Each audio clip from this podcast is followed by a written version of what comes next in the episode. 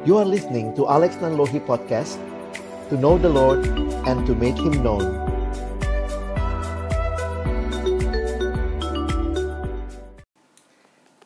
Shalom, selamat malam teman-teman yang dikasihi Tuhan. Mari sebelum kita membaca merenungkan firman Tuhan Kita akan berdoa. Bapa di dalam surga kami bersyukur Bersama-sama hari ini dengan segenap bangsa kami merayakan Hari ulang tahun kemerdekaan Indonesia yang ke-75 Sungguh indah berkat yang sudah Tuhan nyatakan bagi bangsa kami. Hari ini kami juga menjadi bukti menyaksikan sekali lagi kesetiaan Tuhan membimbing dan memberkati bangsa kami. Saat ini kami sama-sama akan membuka firman-Mu ya Tuhan. Kami berdoa biarlah waktu kami membuka firman-Mu, bukalah juga hati kami. Jadikanlah hati kami seperti tanah yang baik, supaya ketika benih firman Tuhan ditaburkan itu boleh sungguh-sungguh berakar, bertumbuh, dan juga berbuah nyata di dalam hidup kami. Berkati baik hambamu yang menyampaikan, setiap kami yang mendengar, Tuhan tolonglah kami semua.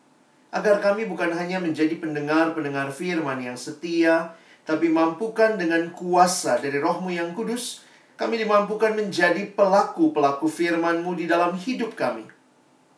Di dalam masa muda kami. Bersabdalah ya Tuhan, kami umat-Mu sedia mendengarnya dalam satu nama yang kudus, nama yang berkuasa. Nama Tuhan kami Yesus Kristus. Kami menyerahkan pemberitaan firman-Mu. Amin. Ya, malam hari ini kita bersyukur sekali lagi kepada Tuhan kesempatan merayakan hari ulang tahun kemerdekaan bangsa kita yang ke-75. Dan malam hari ini tema yang diberikan kepada kita untuk kita pikirkan bersama adalah bagi Indonesia kubawa doaku. Kerinduan kita di tengah bangsa ini adalah kita bukan hanya hadir sebagai orang yang numpang lewat numpang tinggal di bangsa ini, tetapi sebagai bagian dari bangsa ini, biarlah kita juga boleh menjadi garam dan terang yang akhirnya juga membawa pengaruh yang baik tentunya di tengah-tengah bangsa ini. Hari ini kita akan sama-sama menaikkan doa-doa kita, bersyukur kepada Tuhan dan memohon kepadanya secara khusus di tengah-tengah bangsa Indonesia yang mengalami krisis dan bukan hanya bangsa kita tapi bahkan seluruh dunia karena virus corona yang sedang kita alami. Bagaimana kita bisa memaknai kembali apa artinya kita adalah orang-orang yang percaya kepada Tuhan. Karena itu saya ingin mengajak kita merenungkan bagian firman Tuhan malam hari ini yang akan melandasi perenungan kita menjadi dasar yang kokoh bagi kita sebelum kita nanti akan berdoa bersama-sama. Malam ini kita akan melihat di dalam Mazmur 121 ayat yang pertama sampai dengan ayatnya yang ke-8. Mazmur 121 ayat pertama sampai dengan ayat yang ke-8 demikian firman Tuhan. Nyanyian ziarah Aku melayangkan mataku ke gunung-gunung, dari manakah akan datang pertolonganku? Pertolonganku ialah dari Tuhan yang menjadikan langit dan bumi. Ia tak akan membiarkan kakimu goyah, penjagamu tidak akan terlelap. Sesungguhnya tidak terlelap dan tidak tertidur penjaga Israel.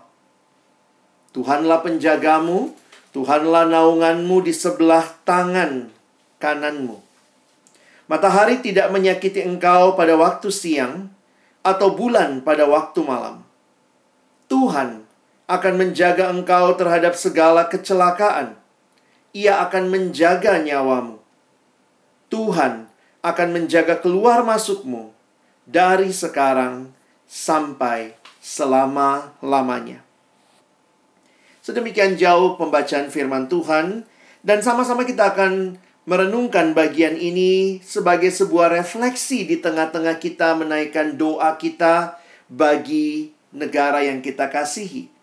Saudara, saya makin menyadari bahwa bangsa yang maju adalah bangsa yang juga mengenal siapa Allah yang adalah pemilik dan penguasa seluruh alam semesta ini. Karena itu, satu sikap yang penting untuk kita hayati adalah berdoa. Kesadaran ada Allah dan Dia memelihara, menguasai, menjaga, membuat kita pun berserah kepada Dia. Karena itu, di dalam pelayanan perkantas, setiap kali kita merayakan kemerdekaan Indonesia, kita biasanya melakukan hari doa puasa secara nasional. Sama-sama kita merendahkan diri di hadapan Tuhan dan memohon kepada Tuhan sekali lagi untuk bangsa kita. Malam ini sama-sama kita akan melihat bagaimana Mazmur ini menolong kita untuk mengenal siapa Allah yang kepadanya kita datang dan membawa doa-doa kita. Kalau kita perhatikan di bagian awal dari Mazmur 121 dituliskan ini adalah sebuah nyanyian ziarah. Saudara yang dikasihi Tuhan, orang Yahudi biasanya ketika mereka tersebar di berbagai tempat di dalam wilayah kekaisaran Romawi secara khusus pada waktu itu, maka mereka punya kebiasaan satu tahun tiga kali pria dewasa Yahudi harus datang ke Yerusalem, ke bait Allah. Jadi, kalau kita perhatikan, ketika mereka harus berjalan bersama-sama, karena waktu itu transportasi yang paling memungkinkan adalah jalan kaki, saudara, maka mereka akan berjalan bersama-sama dan perjalanan inilah yang disebut perjalanan ziarah. Dan di dalam perjalanan ini mereka biasanya berjalan berkelompok. Karena memang kebiasaan dan situasi pada waktu itu sangat rentan terhadap kejahatan. Kalau berjalan sendiri, dan inilah yang terjadi, bayangkan orang Yahudi dari berbagai tempat menjelang tiga perayaan yang terjadi, mereka akan bersama-sama berjalan menuju ke Yerusalem. Dan di tengah jalan tentunya banyak yang ikutan lagi, mungkin di persimpangan ketemu lagi yang sama-sama sedang berjalan menuju ke Yerusalem. Sehingga inilah yang disebut perjalanan ziarah atau dalam bahasa Inggris dikatakan pilgrimage. Dan yang menarik adalah di dalam perjalanan ini biasanya mereka menyanyikan lagu-lagu. Dan inilah kumpulan lagu yang kalau kita baca di kitab Mazmur ada istilah nyanyian ziarah adalah lagu yang biasa dinyanyikan di dalam perjalanan menuju ke Yerusalem. Dan lagu-lagu yang mereka nyanyikan menyatakan sebenarnya apa yang mereka rasakan, apa mereka apa yang mereka yakini dan hari ini kita melihat nyanyian ziarah ini juga berbicara tentang Allah. Kalau kita melihat di dalam kalimat yang dituliskan di dalam bagian ini kata Tuhan adalah Tuhan perjanjian T U H A N huruf besar semua atau Yahweh Allah yang mengikat perjanjian dengan umatnya. Karena itu kesadaran akan Allah yang hadir ini begitu kuat bagi mereka di dalam perjalanan ziarah ini. Mazmur ini secara sederhana bisa kita lihat dalam dua bagian. Di dalam bagian pertama ayat 1 dan ayat yang kedua, dari manakah datang pertolonganku? Dan nanti ayat yang ketiga, sampai ayat yang ke-8. Perhatikan, Tuhan Yahweh T U H A N huruf besar semua. Diyakini akan menjaga umatnya setiap waktu, sepanjang waktu. Mari kita sama-sama melihat detail bagian dari Mazmur ini sebelum nanti kita coba juga merefleksikannya bagi kita malam hari ini. Kalau kita perhatikan di dalam bagian yang pertama, ayat yang pertama mengatakan, Aku melayangkan mataku ke gunung-gunung, dari manakah akan datang pertolonganku? Saudara yang dikasihi Tuhan, para penafsir memberikan berbagai tafsiran tentang ayat ini.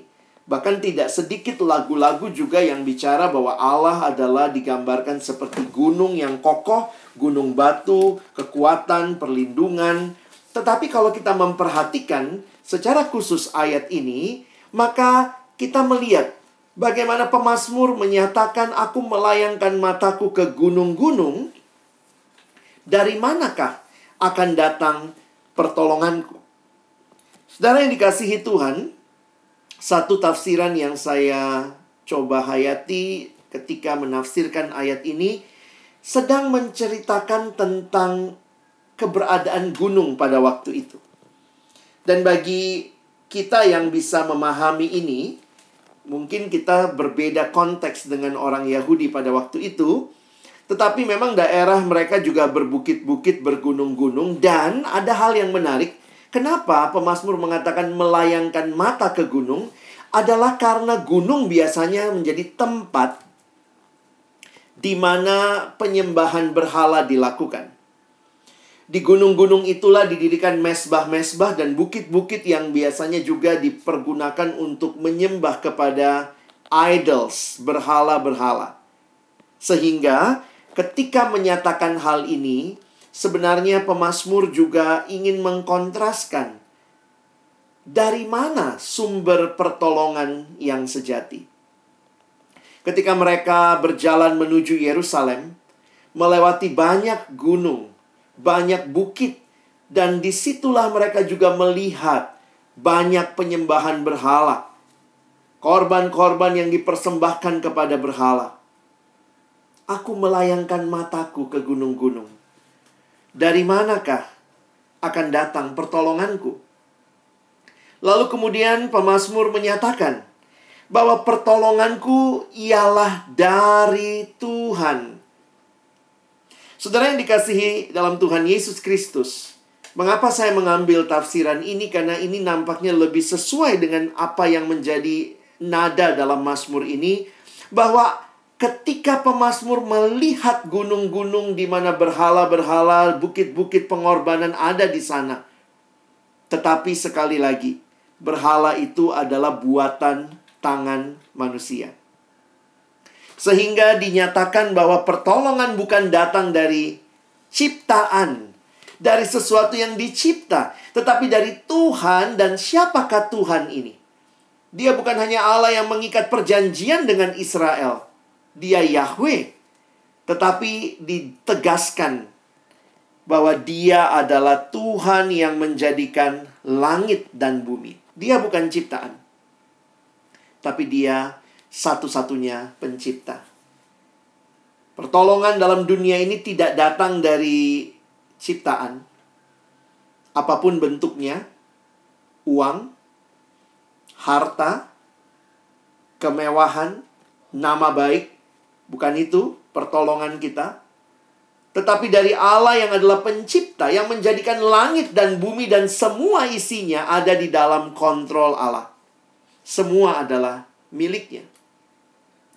Dan kemudian dinyatakan lebih jauh lagi bahwa mengapa Tuhan ini yang bisa dipercaya karena dikatakan ia takkan membiarkan kakimu goyah, penjagamu tidak akan terlelap, sesungguhnya tidak terlelap dan tidak tertidur penjaga Israel.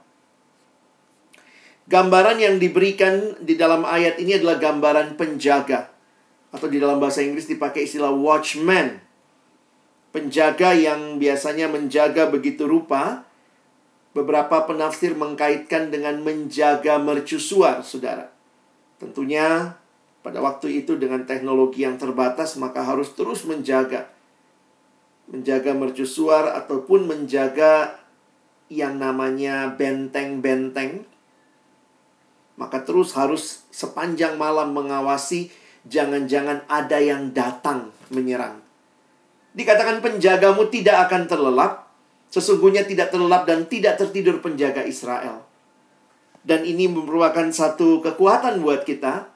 Dan sekali lagi ini dikontraskan kalau kita melihat misalnya di dalam kitab Yesaya, ketika Yesaya mengatakan melalui bagian itu bahwa Allah-Allah buatan tangan manusia bukanlah Allah yang hidup.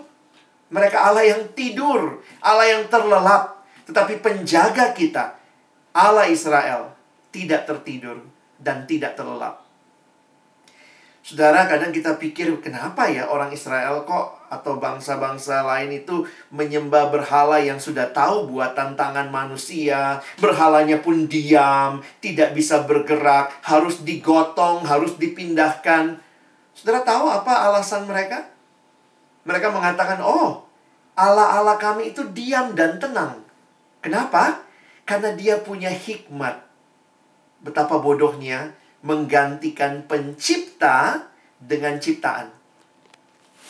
Sehingga sekali lagi ditegaskan dalam ayat selanjutnya. Tuhanlah penjagamu, Tuhanlah naunganmu di sebelah tangan kananmu.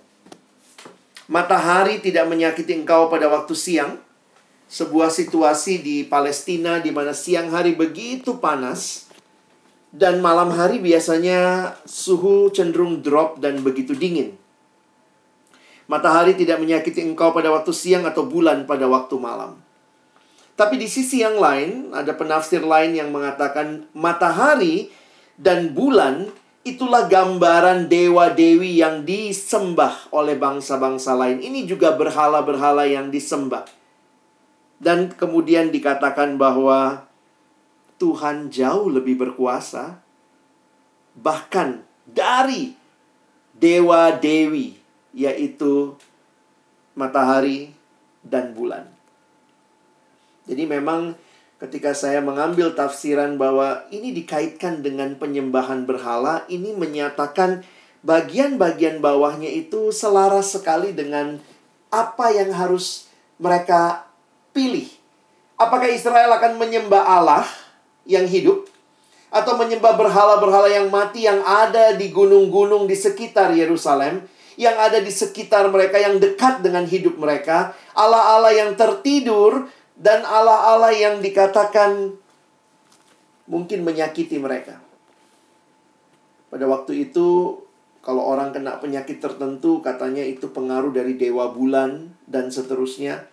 Sehingga begitu rupa dikatakan bahwa Allah Israel, penjagamu, dia lebih berkuasa. Dia menjadi naungan dan karena itu, matahari tidak bisa menyakiti dan bulan pun tidak bisa menyakiti. Dan ditegaskan lebih lanjut di dalam ayat selanjutnya yang menutup Mazmur ini, Tuhan akan menjaga engkau terhadap segala kecelakaan. Ia akan menjaga nyawamu. Tuhan akan menjaga keluar masukmu dari sekarang sampai selama-lamanya. Teman-teman yang dikasihi Tuhan merenungkan bagian firman Tuhan ini menolong saya pun untuk menyadari apa sih yang saya selama ini pahami dan kenali tentang Allah. Memang sering kali di dalam situasi yang sulit dalam kehidupan, ada hal-hal yang kembali kita renungkan dengan mendalam, termasuk tentang Allah. Saya pikir dalam situasi pandemi seperti ini, yang dialami makin banyak orang yang akhirnya bertanya lebih dalam lagi tentang Allah, kuasanya, kehadirannya, dan termasuk saya pikir di tengah-tengah bangsa Indonesia dengan berbagai pergumulan, kesulitan, kemelut yang dihadapi. Sehingga saya menuliskan demikian refleksi saya. Di dalam situasi krisis yang dihadapi, Sebenarnya jawabannya adalah sangat penting untuk kita mengenal siapa Allah kita. Situasi kehidupan yang Israel alami tentunya juga tidak selamanya indah. Perjalanan menuju Yerusalem, perjalanan yang menyenangkan satu sisi, tapi di sisi yang lain juga sangat berbahaya. Karena itu nyanyian ziarah ini seolah-olah menegaskan kembali siapa Allah yang akan engkau percayai. Situasi krisis juga bisa membuat kita meragukan Allah. Karena itu Mazmur ini sekali lagi menegaskan kenapa Allah kita itu Allah yang kita dapat percayai, Allah yang kita yakini dia sanggup menolong kita. Sekali lagi karena karakter Allah sangat jelas di dalam Mazmur ini. Dia pencipta. Dia penjaga. Dia tidak terlelap. Bayangkan kalau dia pencipta, berarti dia menguasai semuanya, dia pemilik segala sesuatu. Saudara, kalau pemilik segala sesuatunya bersama dengan kita, apalagi yang kita takuti? Dan dia hanya bukan hanya mencipta, tapi dia menjaga. Perhatikan di dalam ayat yang ketiga, ayat yang kelima, ayat yang ketujuh. Kalimat-kalimat yang begitu nyata menunjukkan kehadiran Allah. Ia tidak akan membiarkan kakimu goyah. Ayat yang kelima, dia naunganmu. Ayat yang ketujuh, dia akan menjaga engkau terhadap segala kecelakaan. Bahkan akan menjaga nyawamu. Dan ayat yang keempat tentang dia tidak akan terlelap. Sekali lagi ini kontras sekali dengan ilah-ilah, idols, berhala yang tertidur. Yang bahkan tidak bisa menolong.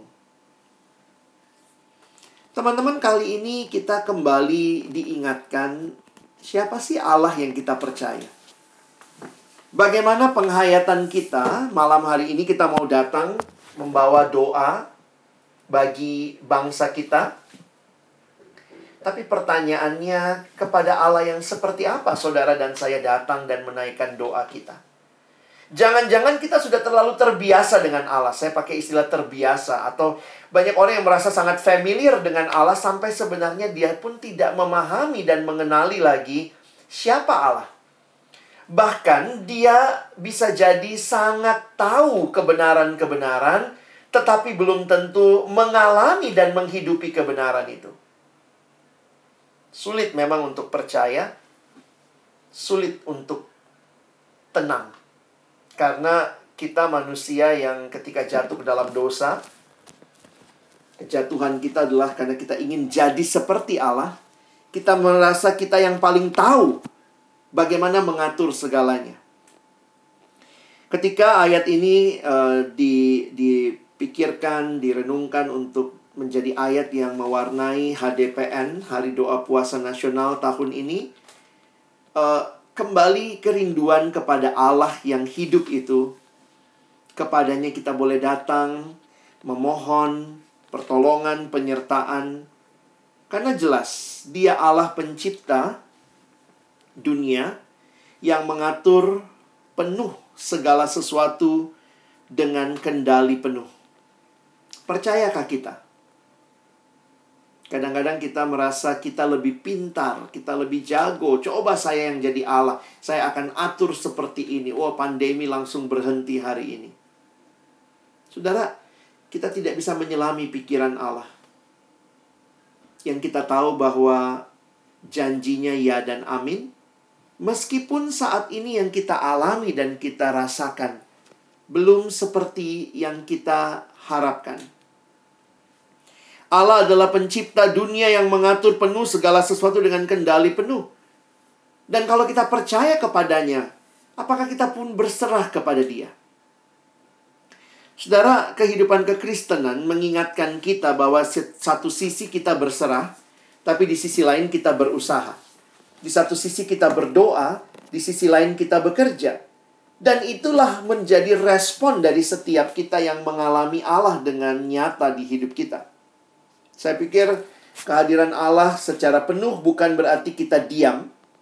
Kita meninggalkan semuanya, biarkan Allah bekerja ada mahasiswa pernah datang bercanda, dia bilang ke Alex, enak banget ya. Kalau kita tinggal berdoa nanti Tuhan yang kelarin soalnya, Tuhan yang jawab semua pertanyaan. Saya pikir kamu memang dasar pemalas. Cara kita mengerti Tuhan bekerja adalah biarkan Tuhan bekerja, saya malas. Tidak.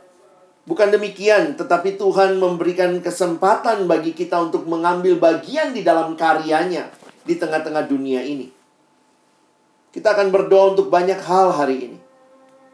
Pergumulan di tengah-tengah kondisi bangsa, ideologi, politik, sosial budaya, ekonomi, keamanan. Ini menjadi satu kenyataan bahwa kita tidak bisa tidak. Harus berserah kepada Allah yang hidup itu.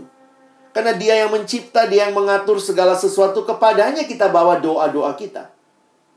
Tetapi biarlah kita juga berjuang di dalam anugerahnya. Menjadi jawaban doa di tengah-tengah kehadiran kita. Di tengah-tengah segala pergumulan yang kita alami, di tengah segala karya nyata yang teman-teman dan saya lakukan di berbagai bidang. Saya meyakini Tuhan tidak hanya memanggil kita untuk satu bagian, tapi sebagai pencipta dunia ini.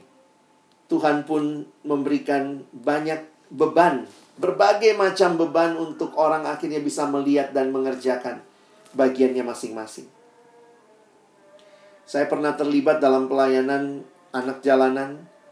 Saya pernah terlibat dalam pelayanan um, orang tua, lansia, saya pernah Tuhan libatkan dalam pelayanan anak-anak, dalam pelayanan remaja, dan diperkantas secara khusus dalam pelayanan kaum intelektual, siswa, mahasiswa, alumni.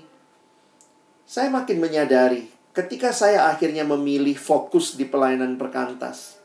Tapi saya harus ingat bahwa hati Tuhan jauh lebih luas daripada beban yang dia berikan kepada saya.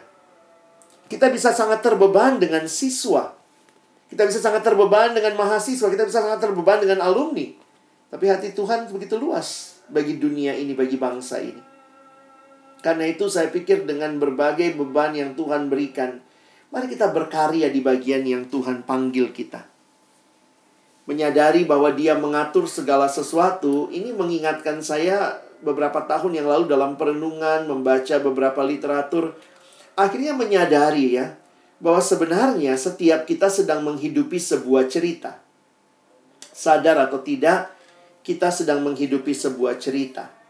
Dan cerita inilah yang membentuk kehidupan kita. Seringkali saya berpikir ini adalah cerita hidupku Tuhan. Lalu karena ini cerita hidupku saya undang Tuhan. Ayo Tuhan masuk dalam cerita hidupku. Berkati cerita hidupku. Tapi ini hidupku. Tetapi di dalam pembacaan literatur, membaca firman Tuhan, merenungkan, mendengar khotbah, dan kemudian merefleksikannya, akhirnya saya menyadari this is not my story. Ini bukan ceritaku. Ini adalah ceritanya Allah. Jadi sebenarnya Allah lah yang punya cerita dan dia mengundang aku masuk ke dalam ceritanya. Sehingga responku adalah terus berserah kepada Allah, terus bertanya kepada Allah, "Tuhan, apa yang sedang Engkau kehendaki bagiku di dalam ceritamu?" Betapa terhormatnya kita diundang terlibat dalam kisahnya Allah. Dan ini menjadikan kita menyadari bukan kita, bukan diri kita, tapi ini tentang Allah. Seharusnya ketika teman-teman ada di dalam setiap bidang kehidupan, mungkin Tuhan izinkan engkau masuk ke bidang ekonomi, bidang sosial, bidang hankam, bidang pendidikan, bidang kesehatan, bidang teologi.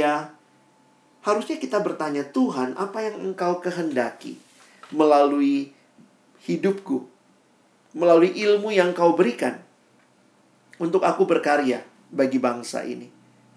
Kita bukan hanya membawa doa kita, tetapi kita berdoa supaya kita pun Tuhan pakai menjadi jawaban doa. Karena kita ada di dalam ceritanya Allah. Sebuah kalimat yang indah yang saya ingat. If we are living a story, kalau kita menghidupi sebuah cerita, maka there must be a storyteller. Kalau kita sedang menghidupi sebuah cerita, maka ada penceritanya, ada penulis ceritanya. Siapakah yang menuliskan cerita hidup kita? Kalau Allah adalah penciptamu, Allah adalah pemilik hidupmu. Dia sedang menuliskan kisah hidup kita. Mari datang kepadanya. Bagi kita pribadi, bagi konteks bangsa kita, sadari Tuhan, terima kasih aku boleh ada dalam kisahmu dan kiranya aku berbagian dalam kisahmu yang indah. Apa itu sejarah? Sejarah sebenarnya adalah kisahnya Allah. What is history? History is actually his story. Kan itu saudara merefleksikan Mazmur 121. Sadarilah bahwa hari ini waktu kita datang dalam doa, kita datang kepada Allah yang satu-satunya penolong satu-satunya Allah yang hidup yang sanggup menolong kita. Dia hadir di bangsa kita, dan Dia memberikan kesempatan kita terlibat di dalam kisahnya bagi bangsa ini. Mazmur ini mengajarkan bagi kita bahwa Tuhan adalah penjaga Israel. Kalau kita bawa secara pribadi, kita bisa bersyukur. Wow, Tuhan Allah adalah penjaga kita, penjaga saudara, penjaga saya. Tetapi dalam konteks hari ulang tahun kemerdekaan bangsa kita, ingatlah juga Allah adalah penjaga Indonesia. Datang kepadanya, bawa bangsa kita. Kalau kita begitu mencintai bangsa ini, apalagi Tuhan yang menciptakan bangsa ini. Kalau begitu rupa Tuhan merindukan bangsa ini mengalami pemulihan dari berbagai krisis, biarlah kita pun juga boleh berbagian menjadi jawaban dari doa-doa yang nanti sebentar akan kita doakan. Kita memohon dalam anugerahnya, Tuhan pakai aku juga untuk bangsa ini membawa pembaharuan pemulihan. Mazmur 118 ayatnya yang ke-8 di dalam terjemahan bahasa Indonesia sehari-hari kalimatnya lebih baik berlindung pada Tuhan daripada mengandalkan manusia. Benar, datang kepada Tuhan menjadi satu sikap dari orang yang percaya bahwa ada Allah di tengah bangsa ini. Belajar untuk tidak memberontak.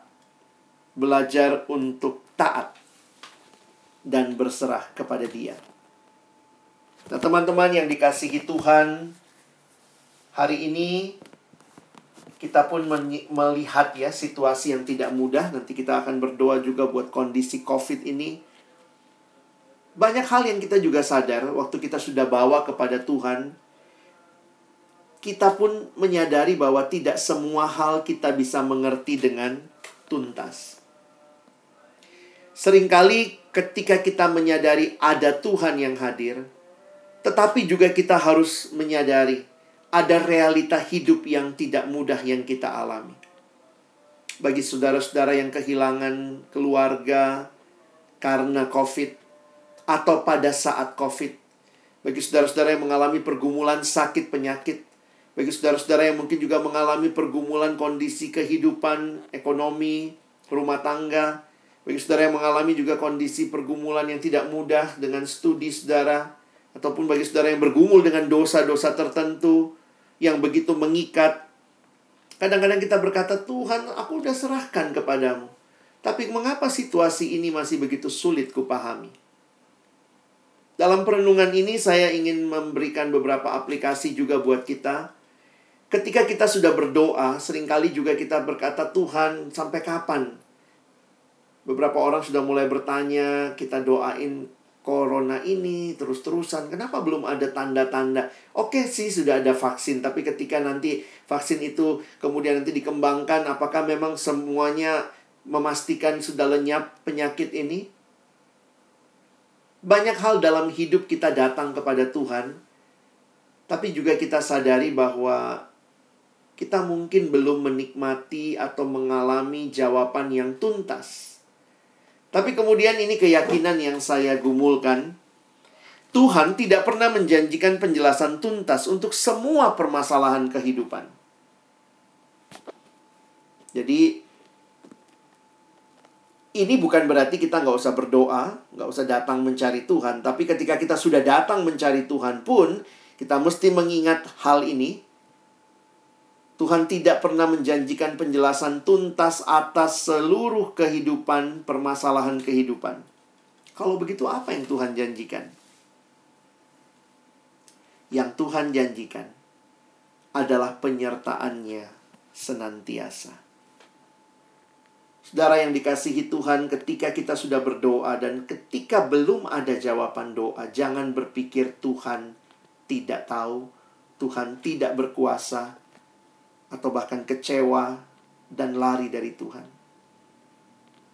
Ikut Tuhan bukan berarti hidup tanpa masalah. Tapi ikut Tuhan berarti kita tahu Tuhan hadir di dalam pergumulan kita. Kekuatan dia berikan. topangan dia berikan, pertolongan pada waktunya dia berikan. Seringkali tidak seperti yang kita inginkan. Tetapi sesuatu yang kita yakini. Dia tahu apa yang terbaik buat kita. Kalimat ini menutup perenungan kita malam hari ini. God's silence, it doesn't mean that his absence. Tuhan diam bukan berarti dia tidak hadir.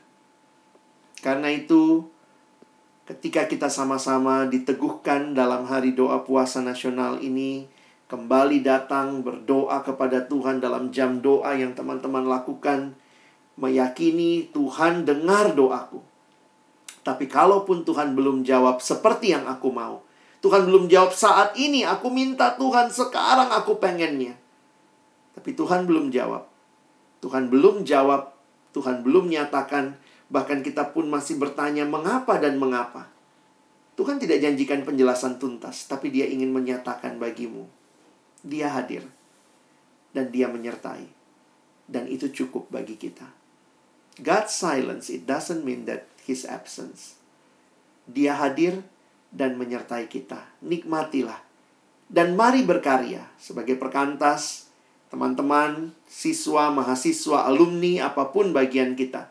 Berkaryalah menjadi bagian dari jawaban doa. Siswa dengan studi yang baik. Siswa dengan hati yang tulus, murni di hadapan Allah. Rindu bertumbuh. Aktif dalam kelompok-kelompok PA yang ada. Kita bangun kerohanian kita. Itu caranya Tuhan memberkati bangsa ini melalui kehadiran kita. Mahasiswa belajar dengan baik melihat jurusanmu sebagai cara Tuhan juga menggenapkan kerinduannya bagi Indonesia.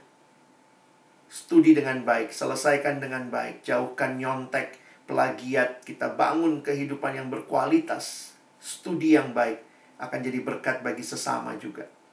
Dan ketika saudara sebagai alumni, biarlah saudara menjadi alumni-alumni juga yang menyadari hidup bukan hanya untuk cari uang semata-mata, yang penting saya dan keluarga saya aman dan nyaman, tapi lebih dalam lagi bertanya Tuhan, apa yang kau rindukan melalui hidupku di tengah bangsa ini?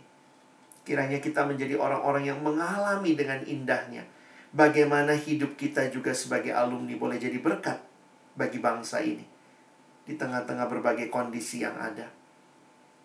Perkantas hadir, saya pikir bukan untuk hanya menikmati berkat. Banyak orang Kristen cuma pengen diberkati. Tetapi Alkitab sebenarnya mengajarkan kepada kita sejak awal Allah memanggil Abraham. Bukan hanya Abraham mendapat berkat, tetapi supaya melalui hidup Abraham, bangsa yang besar yang lahir dari keturunan Abraham, Israel, dan bagi kita Israel rohani, gereja Tuhan, tidak hanya diberkati, tapi Tuhan panggil untuk kita pun menjadi berkat di tengah bangsa ini. Diberkati untuk menjadi berkat. Kiranya kehadiran perkantas yang hari ini membawa doa-doanya kepada Tuhan. Memohon berkat Tuhan atas Indonesia. Melalui alumni-alumni yang sudah diubahkan hidupnya. Melalui mahasiswa yang sudah diubahkan hidupnya. Melalui siswa yang sudah diubahkan hidupnya oleh Tuhan. Sudah mengalami berkat Tuhan biarlah akan jadi berkat besar juga bagi bangsa ini. Tuhan memberkati kita. Bawalah doa kita kepada satu-satunya Allah yang hidup. Amin. Mari kita berdoa. Bapa di dalam surga, kami datang dalam ucapan syukur.